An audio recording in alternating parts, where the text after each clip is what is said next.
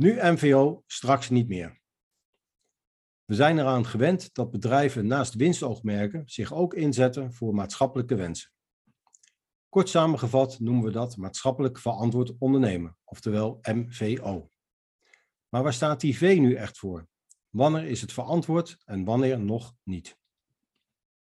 Als bedrijf kan je je verantwoorden voor hetgeen je hebt gedaan.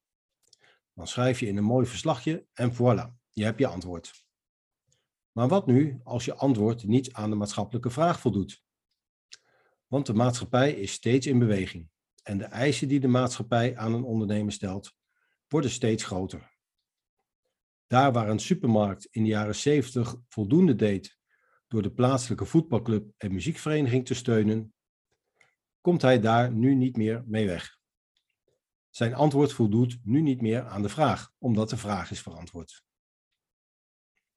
De vraag wordt steeds groter, complexer en veelzijdiger. Naast de vraag om lokale verbinding zijn er een legio aan andere vragen bijgekomen. Lokale producten verkopen lijkt hier nog op, al wordt dat voor een landelijke of internationale retailer met centrale inkoop weer lastig om aan te voldoen. Maar er zijn veel meer eisen.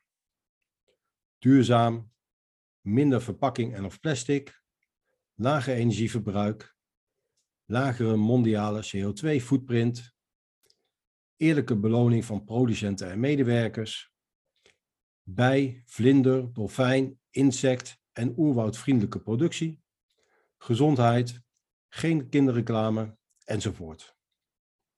Als retailer kan je dit niet allemaal zelf bijhouden en dus vlucht je in keurmerken die het onderzoek naar de eisen doen en de controle van de producten voor je overnemen.